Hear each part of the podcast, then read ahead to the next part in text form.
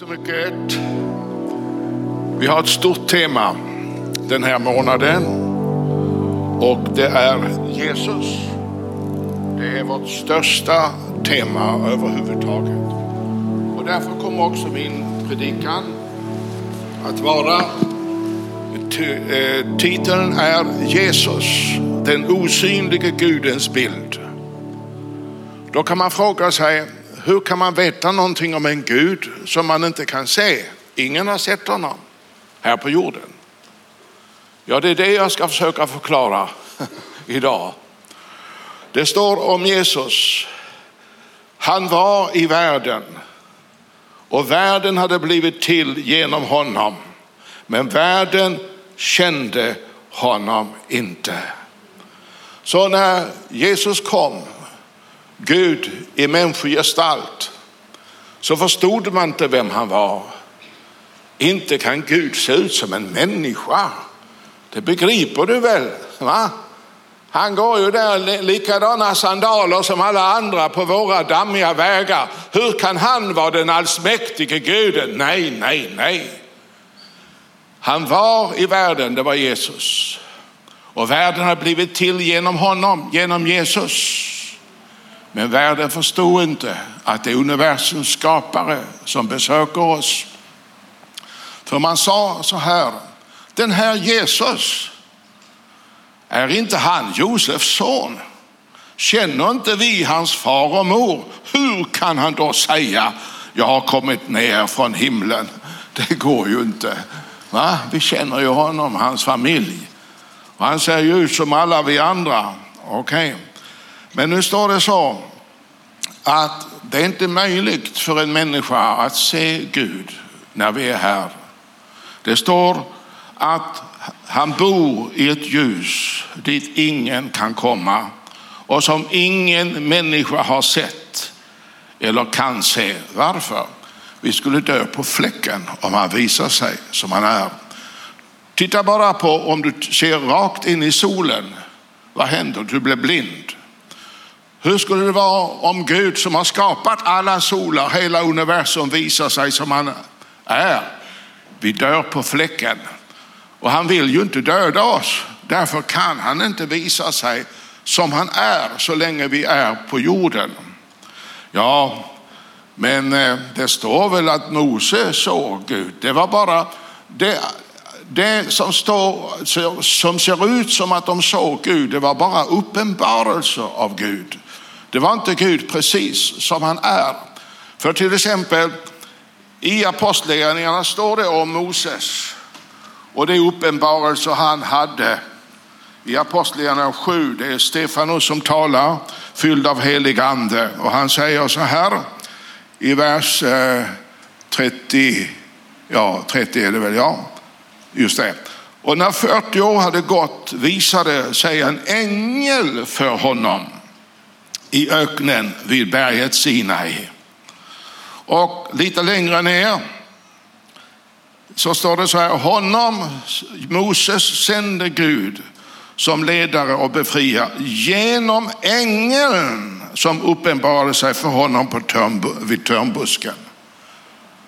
Men hur kan en ängel vara Gud? Nej, en ängel är inte Gud, men ängeln sa ju, jag är Abrahams Gud. Ha? Jo, men ängeln var en ambassadör för Gud. Och när ambassadören kommer, då är det precis samma som om presidenten och kungen är här. Han har fått liksom eh, mandat. Va?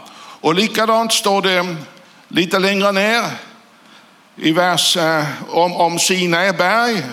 Var inte det Gud där? Det står så här, vi måste se på det här i nya testamentets ljus. Va? Det står i vers eh, eh, 38 är det väl?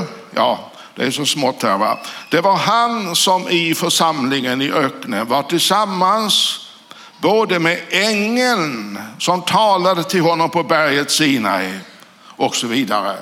Också lite längre fram i samma kapitel så står det att, eh, att ni som fått lagen förmedlad av änglar men inte hållit den.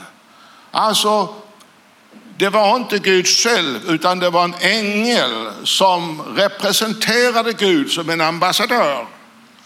För ingen, inte ens Mose skulle palla om han såg Gud rätt upp och ner, förstår du. Så länge vi är här. Så Gud är osynlig. Så hur kan vi då veta någonting om Gud? Jo, det står om Jesus. Han är den osynlige Gudens avbild.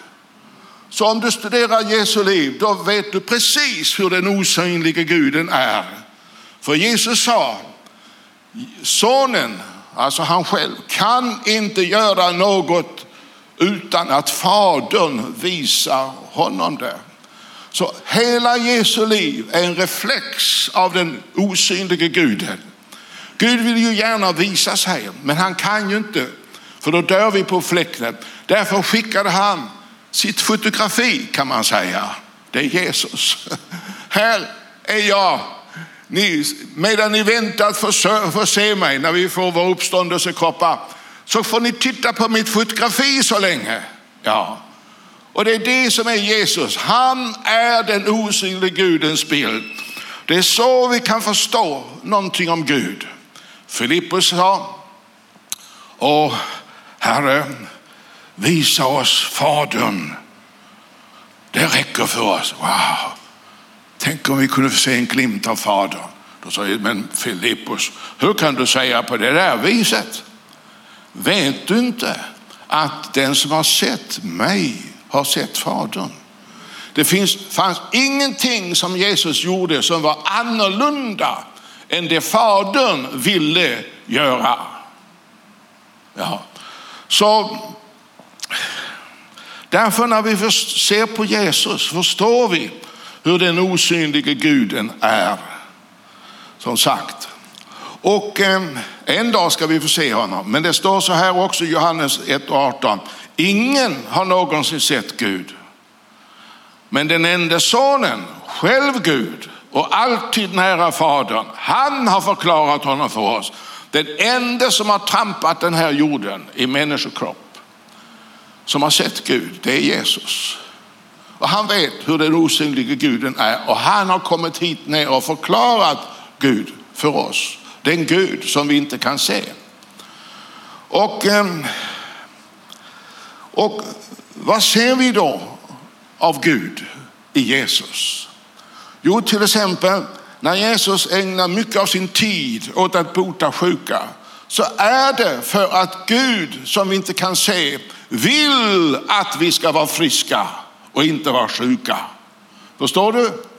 Genom att se på Jesus så förstår du vad den osynliga guden har i sitt hjärta för oss. Han har hälsa. Så här står det i eh, Matteus 4. Matteus 4 och vers 23 till 24. Jesus vandrade omkring i hela Galileen och han undervisade i deras synagogor och förkunnade evangeliet om riket och botade alla slags sjukdomar och krämpor bland folket. Ryktet om honom spred sig över hela Syrien och man kom till honom och alla som led av olika sjukdomar och plågor, besatta, månadssjuka och lama och han botade dem. Varför? Därför att den Gud vi inte kan se, Fadern, vill att du ska vara frisk. Därför gav Jesus mycket av sin tid till att bota människor. Men om Gud vill vi ska vara friska, varför är vi då sjuka? Ja, Jesus förklarade så här. Tjuven kommer för att stjäla och döda. Men jag har kommit för att vi ska ha liv och överflödande liv. Vi lever i en värld där tjuven stjäler hälsa och allt annat. Men Jesus kom för att återställa det. Ja, det, alltså, jag vet inte om Gud vill jag ska vara frisk. Ja, men om Jesus vill du ska vara frisk betyder det att Gud vill du ska vara frisk och vill bota dig om du är sjuk. För sjukdom är inte något enligt Jesus som har sitt ursprung i Gud. När Jesus såg en krokryggig kvinna, hon var en Abrahams dotter så det fanns inget fel på hennes andliga liv. Men Satan hade attackerat henne i hennes kropp så hon gick krokryggig, kanske på grund av reumatisk värk i 18 år. Vad säger Jesus? Gud har böjt henne för att göra henne ödmjuk. Därför har han sänt reumatismen i hennes kropp. Nej, han sa Satan har bundit denna kvinna i 18 år. Men nu löser jag henne. Hon är en Abrahams dotter. Så det betyder inte att det fanns något fel i hennes andliga liv. Hon var en Abrahams dotter med alla löften. Men vi kan bli attackerade i vår kropp av Satan med sjukdom. Men då har, vill Gud återställa vår hälsa. Klart, en dag måste vi ju dö. För att döden är ju den sista av Guds fiender som blir lagda till hans fötter. Och det sker först när Jesus kommer tillbaka. Men han vill att vi ska må bra medan vi lever här. Och eh, när vi ser Jesus mätta människor med mat så är det för att Gud vill att vi ska vara mätta och inte gå hungriga. Det står så här i Matteus 15, vers 29. Eh, nej, vers eh, 32. Jesus kallade till sig sina lärjungar och sa, jag lider med folket. Nu har det varit hos mig i tre dagar och de, de har inget att äta. Jag vill inte skicka hem de hungriga för det kan bli utmattade på vägen. Varför? Jesus, när han såg människor som inte hade tillräckligt med mat så led han i sitt inre. Och det är alltså Gud den osynlige lider när han ser människor är hungriga. Men om Gud inte vill att vi ska vara hungriga, gå utan mat, varför är det så mycket hunger i världen? Jo, svaret är tjuven kommer för att stjäla, slakta och döda. Men jag har kommit för att de ska ha liv. Och därför gav Jesus dem mat. Och inte bara så där precis så att de klarar livhanken till nästa dag. Utan alla åt och blev mätta och så blev det över. Det är så Gud vill välsigna dig när det gäller din kropp. Inte bara så där precis vad du behöver utan lite extra också. Det är den bilden som Jesus gav oss av den osynlige guden. För han gjorde ingenting på eget bevåg utan allt vad jag gör det har min fader visat mig. Så därför kan du veta hur Gud är fast vi inte kan se honom ännu när du ser på Jesus. Och likadant gick Jesus omkring och befriade människor. Det står i Lukas 7 när Jesus gör sin programförklaring i vers 18 så säger han att jag har kommit för att utropa frihet för de fångna. Det var många människor som var fångna, de kom inte loss.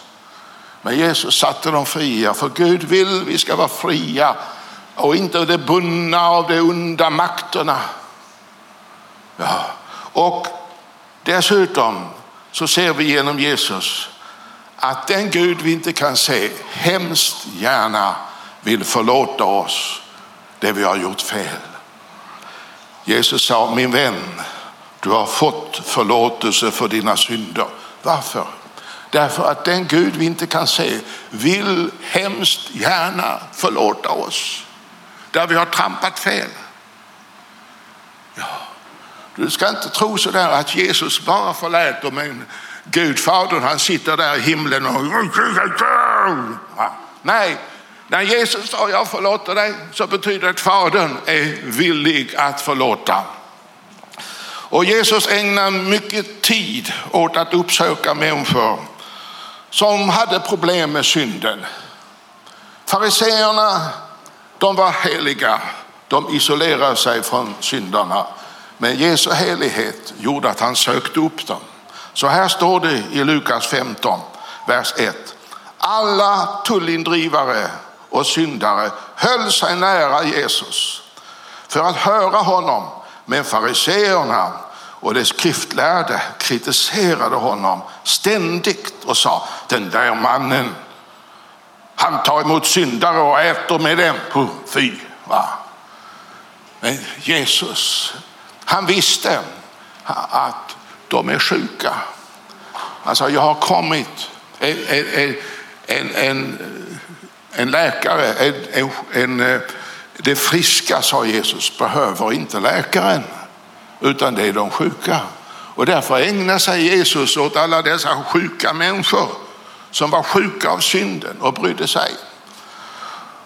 Och eh, även för den som lever i självförvållad misär därför att han har gjort fel i livet så har han drabbats av olika saker.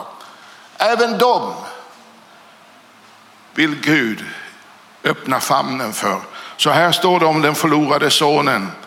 Det var verkligen självförvållat. Han var ingen bra kille han, utan det står i kapitel 15 här och i vers 13 är det ja.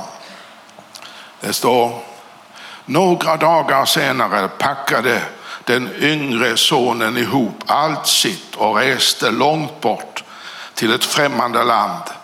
Där levde han hämningslöst och slösade bort sin förmögenhet.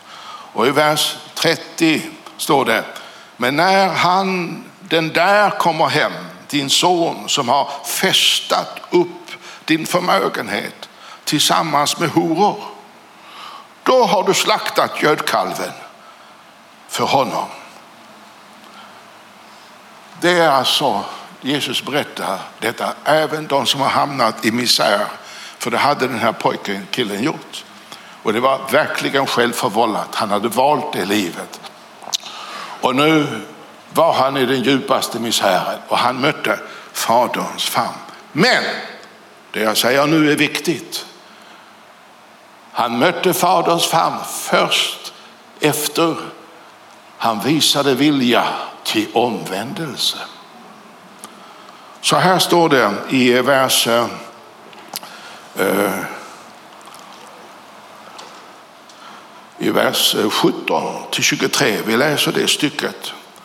Då kom han till besinning och sa, hur många arbetar hos min far har inte mat i överflöd och här svälter jag ihjäl. Jag vill, och här kommer det, jag vill stå upp och gå hem till min far och säga till honom, far, jag har syndat mot himlen och inför dig. Jag är inte längre värd att kallas din son. Låt mig få bli som en av dina arbetare. Och han stod upp och gick till sin far. Och medan han ännu var långt borta fick hans far se honom och förbarmade sig över honom. Fadern skyndade fram, omfamnade honom och kysste honom. När kom den öppna famnen från Guds sida? När han ville omvända sig. Det måste finnas en vilja till omvändelse om det ska ges förlåtelse. Allt annat är ett billigt evangelium. Det är inget evangelium alls. Det står Ja, idag talas det mycket om att Gud älskar dig som du är. Och det gör han. Men han vill inte att du ska förbli som du är. Förstår du skillnaden? Ja. Och därför befall, och det står så här i predikarboken, Gud skapade människan rak. Men det har tänkt ut många påhitt. Det är vi människor själv som har snurrat till det. Gud gjorde oss sådana som, han, som vi skulle vara. Men vi har krånglat till det. Och vad Jesus befallde oss att predika, och vi måste stå för det budskapet som Jesus gav oss. Han sa att vi skulle gå ut till alla folk och predika, förkunna omvändelse och syndernas förlåtelse ska förkunnas i hans namn för alla folk. Då kan man inte bara välja det ena och säga vi predikar förlåtelse, Gud i kärlek. Nej, förlåtelsen kommer först efter omvändelsen. Om vi bara förkunnar Gud i kärlek, liksom vad än du är, liksom Gud älskar dig, då bedrar vi människor. Å andra sidan, om vi bara förkunnar omvändelse utan förlåtelse, då är det för hårt. Då är det, lägger vi för hårda krav på människor. Omvänd dig, omvänd dig, omvänd dig. Det måste vara en kombination av omvändelse och syndernas förlåtelse. Det har Jesus befallt oss att förkunna. Och vi kan alltså inte bara välja det, det ena. Då lurar vi människor. Men är inte alla människor värdefulla för Gud? Jo, det är de. Det är därför han vill att vi ska omvända oss. För att så länge vi lever i synden så är värdet i människan finns där men kan inte användas av Gud så länge man lever kvar i synden. Och det illustrerar Jesus i den här liknelsen också i Lukas 15 om det borttappade myntet. Det står så här i vers eh, 8 i Lukas 15. Eh, Eller om en kvinna har tio silvermynt och tappar bort ett av dem Tänder hon då inte ett ljus och sopar huset och söker noga tills hon hittar det. Och när hon har hittat det samlar hon sina vänner och grannkvinnor och säger gläd er med mig. Jag fann myntet som jag förlorade. På samma sätt säger jag er, och nu är det Jesus som talar, blir det glädje bland Guds änglar över en enda syndare som omvänder sig. Den här kvinnan hon tappade ett silvermynt som var, står i noten här, en drakma, alltså en dagslön. Och hur mycket var silvermyntet värt när det var borttappat? Lika mycket. Men hon kunde inte gå och handla för det så länge hon inte kunde hitta det. Det är den bilden Jesus tar. Värdet finns i alla människor, även de som lever i synden. Men det är ett värde som Gud inte kan använda så länge de är kvar i synden. Om vi översätter den här liknelsen till svenska förhållanden. En drakma var alltså en arbetares lön för ett en dags arbete. Om vi tar det då och säger att en dagslön idag, låt säga en tusenlapp. Då hade den här kvinnan 10 000 kronor. Och så tappar hon en tusenlapp. Du tappar en tusenlapp. Då blir du inte glad. Du vill gärna ha tag på den. Och hur mycket är tusenlappen nu när du har tappat den? Det är fortfarande en tusenlapp, inte mindre.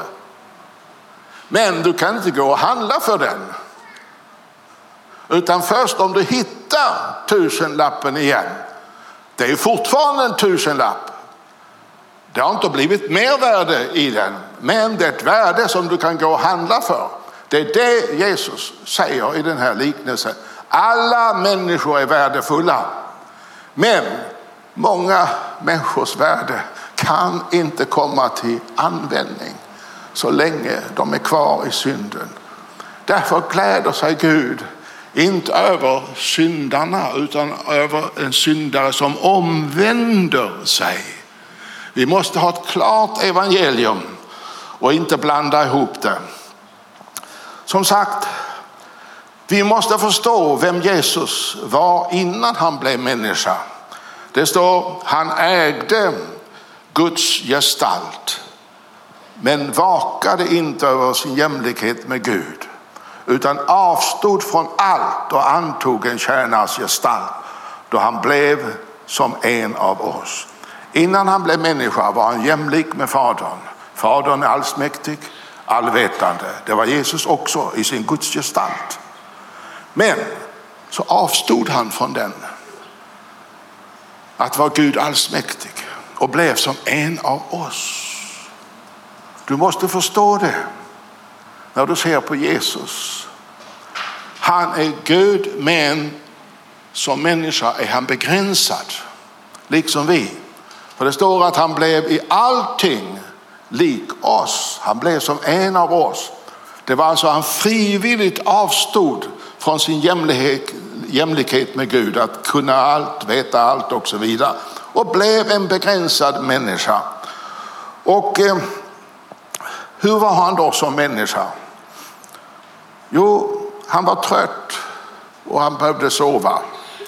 Men i sin gudsgestalt, då behövde han aldrig sova. Han kände inte av den minsta trötthet, för Gud blir inte trött. Men nu avstod han från sin gudsgestalt för en tid för att bli som en av oss. Och då blev han precis som vi, trötta ibland och behöver vila oss. Och han tog en tupplur mitt på dagen. Och han sov så hårt i denna tupplur så när det började blåsa fick man gå och ruska om honom för att han skulle vakna. Ja. Och hur var han som Gud i sin gudsgestalt? Han kände aldrig av en enda frestelse. För det sa Gud kan inte frestas av det onda. Men som människa hade han alla möjliga frestelser, precis som vi. Frestelse är en konflikt, jag vill göra det som är rätt, men samtidigt så lockas man av det som är fel. Det är frestelse. Och det hade Jesus. Det står att genom att han själv har fått lida och blivit frestad kan han hjälpa dem som frestas.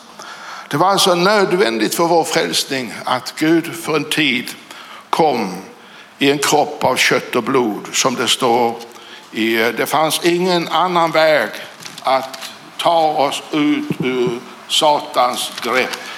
Så här står det i eh, Hebreerbrevet eh, 2, vers 14 och 15.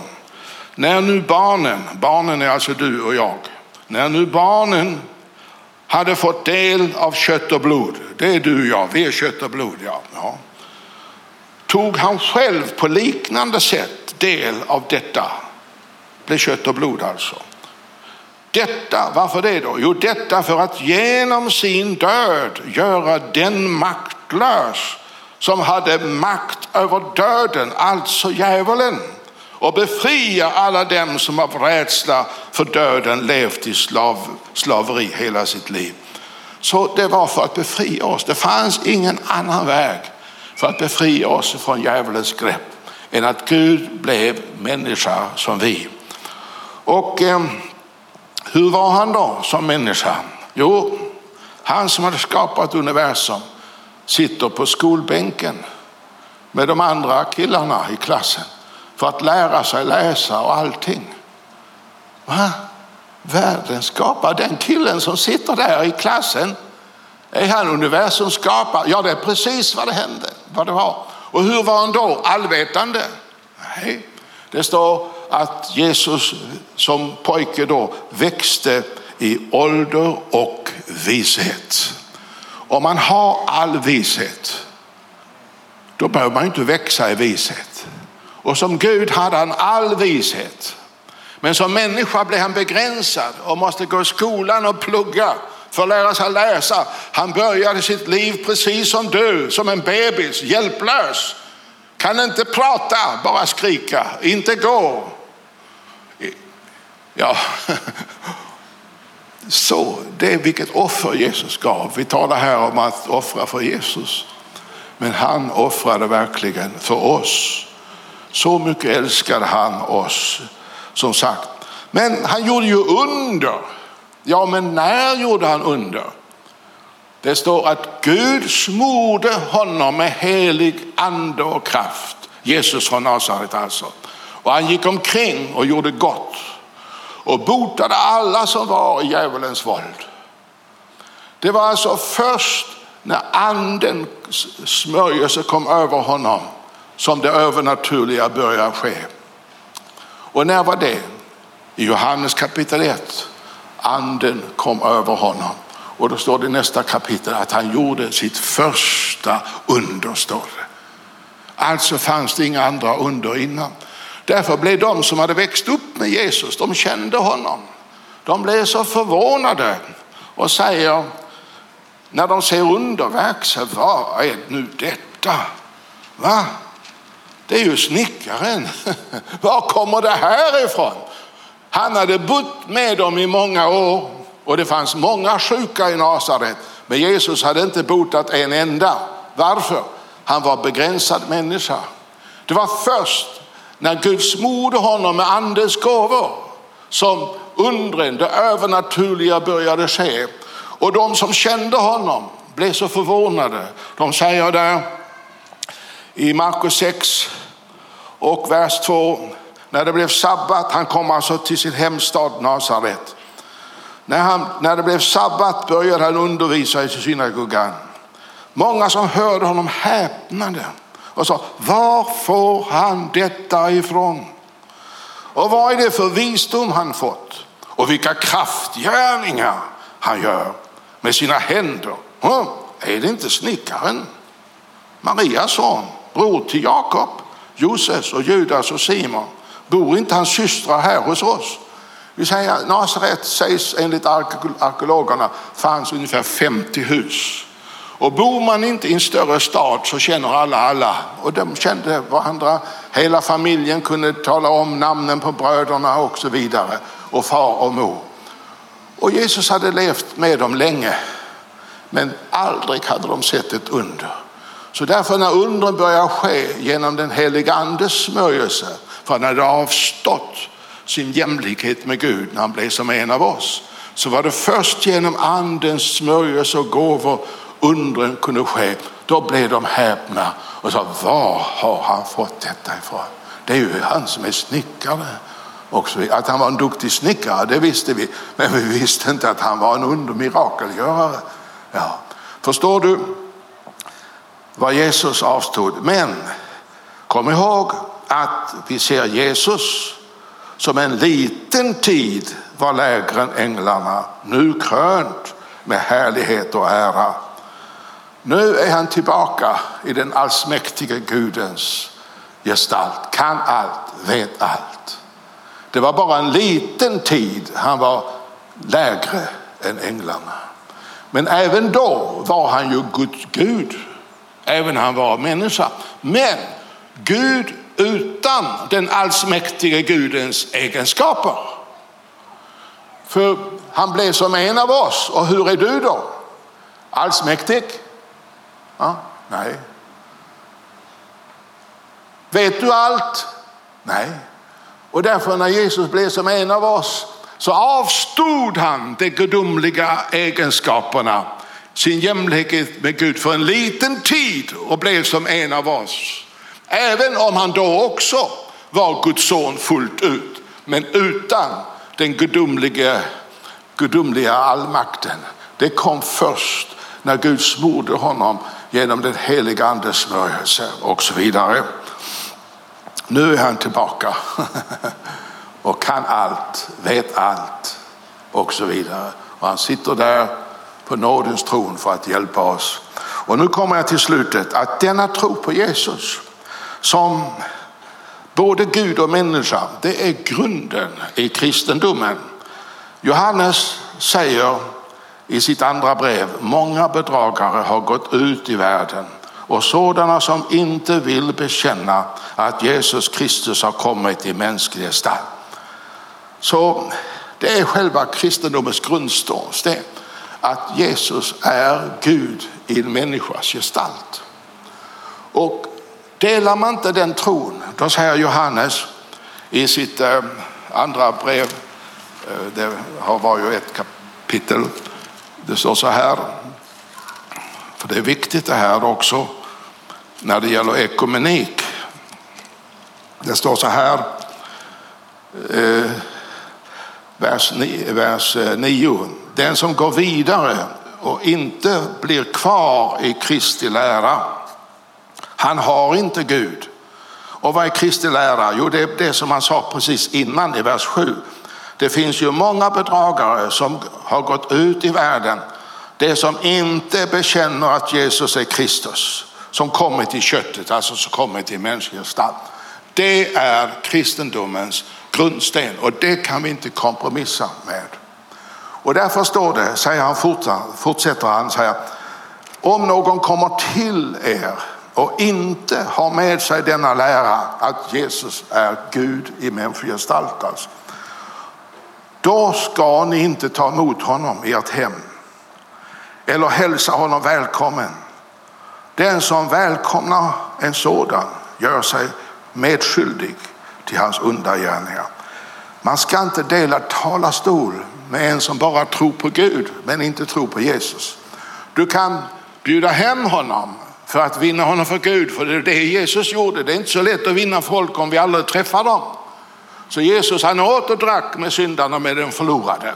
Men du ska inte ge talarstolen i den kristna kyrkan till en som inte bekänner att Jesus är Gud i människogestalt. För då hjälper vi den människan att sprida sina lögner. Vi kan säga, man hade ju mötena i hemmen här, så det syftar väl på just ett möte i hemmen. Om vi då tänker vi har ett sånt här möte, så kommer det en som har från en annan religion och säger vi är så glada idag. Vi har besök av en, en vän här. Han, eh, han tror på Gud och vi ska nu höra, men han tror inte på Jesus. Men nu ska vi höra, få honom att, eller henne att dela ett ord med oss. Det får vi inte göra. Där går en röd linje för ekumeniken. Och även om det inte är en annan religion, även om det är den kristna kyrkan, men man har en luddig bestämmelse, eh, eh, uppfattning och bekännelse av Jesus som en högt uppsatt i kyrkan i det här landet lär ha sagt. Ja, Jesus sa, jag är vägen. Och så tillade hon, men han sa också att, men han sa inte att han är enda vägen. Hur kan man säga så som kristen lärare, ledare? För i nästa andetag står det ju, ingen kommer till Fadern utom genom mig. Så jag tror också där, om man även är i kristna kyrkan men inte har en klar bekännelse om Jesus så ska man inte ge den personen talarstolen. För då kan den tron, den luddiga Jesus bekännelsen smitta av sig och då hjälper vi den människan att sprida sin luddiga uppfattning om Jesus. Så därför är Johannes väldigt radikal. Det står inte att du inte kan bjuda hem dem på det viset för att vinna dem för Gud. Men man hade mötena i hemmen så det syftar, som jag förstår det, att man ska inte låta en sån människa tala i den kristna kyrkan. Där finns, som man säger ofta idag, en röd linje ja, när det är ekumeniken. Men det betyder alltså, vi kan ha andra olika uppfattningar om andra saker utan att det är en skiljelinje. Till exempel kan vi uppfatta Jesu återkomst olika. En del tror att han kommer två gånger. Som först kommer han osynligt och då försvinner de kristna upp i luften. Sen kommer sju år av vedermöda och sen kommer han synligt. Det är en uppfattning. Men sen finns det andra som tror, som jag, att han kommer bara en gång. För han säger ju det i evangeliet. Och då kommer han synligt och då sker också uppryckande. Men det skiljer oss inte åt. För det är ju inte en grundläggande frälsningssanning. Så att där kan vi ha olika uppfattningar och ändå vara bröder och systrar. Jag har skrivit en bok om det. Jesus kommer synligt för alla. Vad händer innan och efter?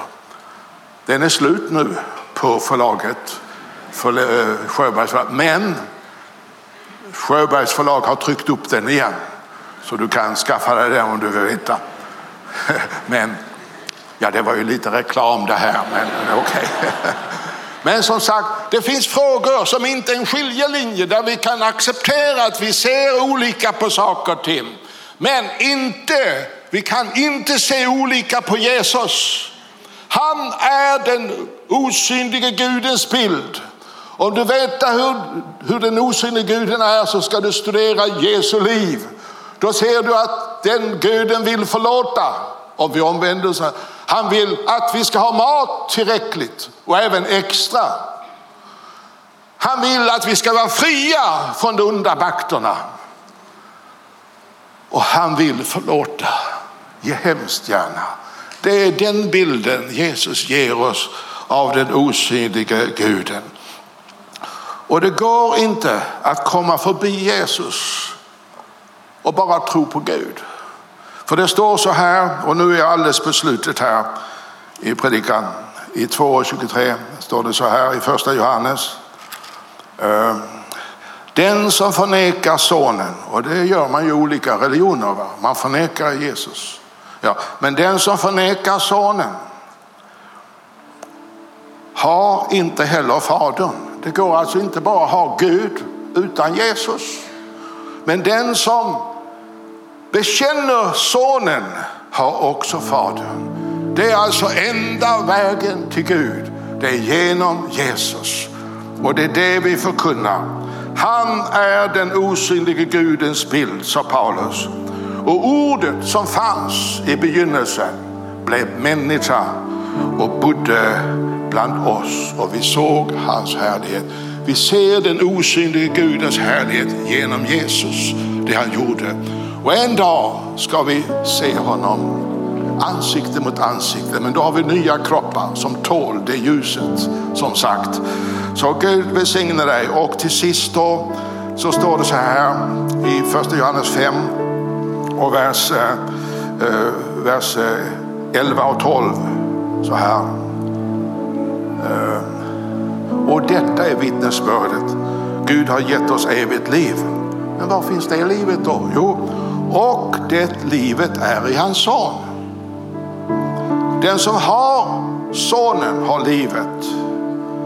Den som inte har Guds son har inte livet. Det är kristallklart. Därför inbjuder jag dig idag, om du inte har Jesus i ditt hjärta, att ta emot Jesus här och nu. Då får du evigt liv på direkten. ja, och vägen till Gud är öppen. Du behöver inte vara rädd längre för Gud. För han vill förlåta vad du än har gjort. Vilken situation du än är i, även om den är självförvållad. Du har gjort dumheter, men Gud förlåter dig. Om du bara kommer till Gud genom Jesus så har du fått det eviga livet redan här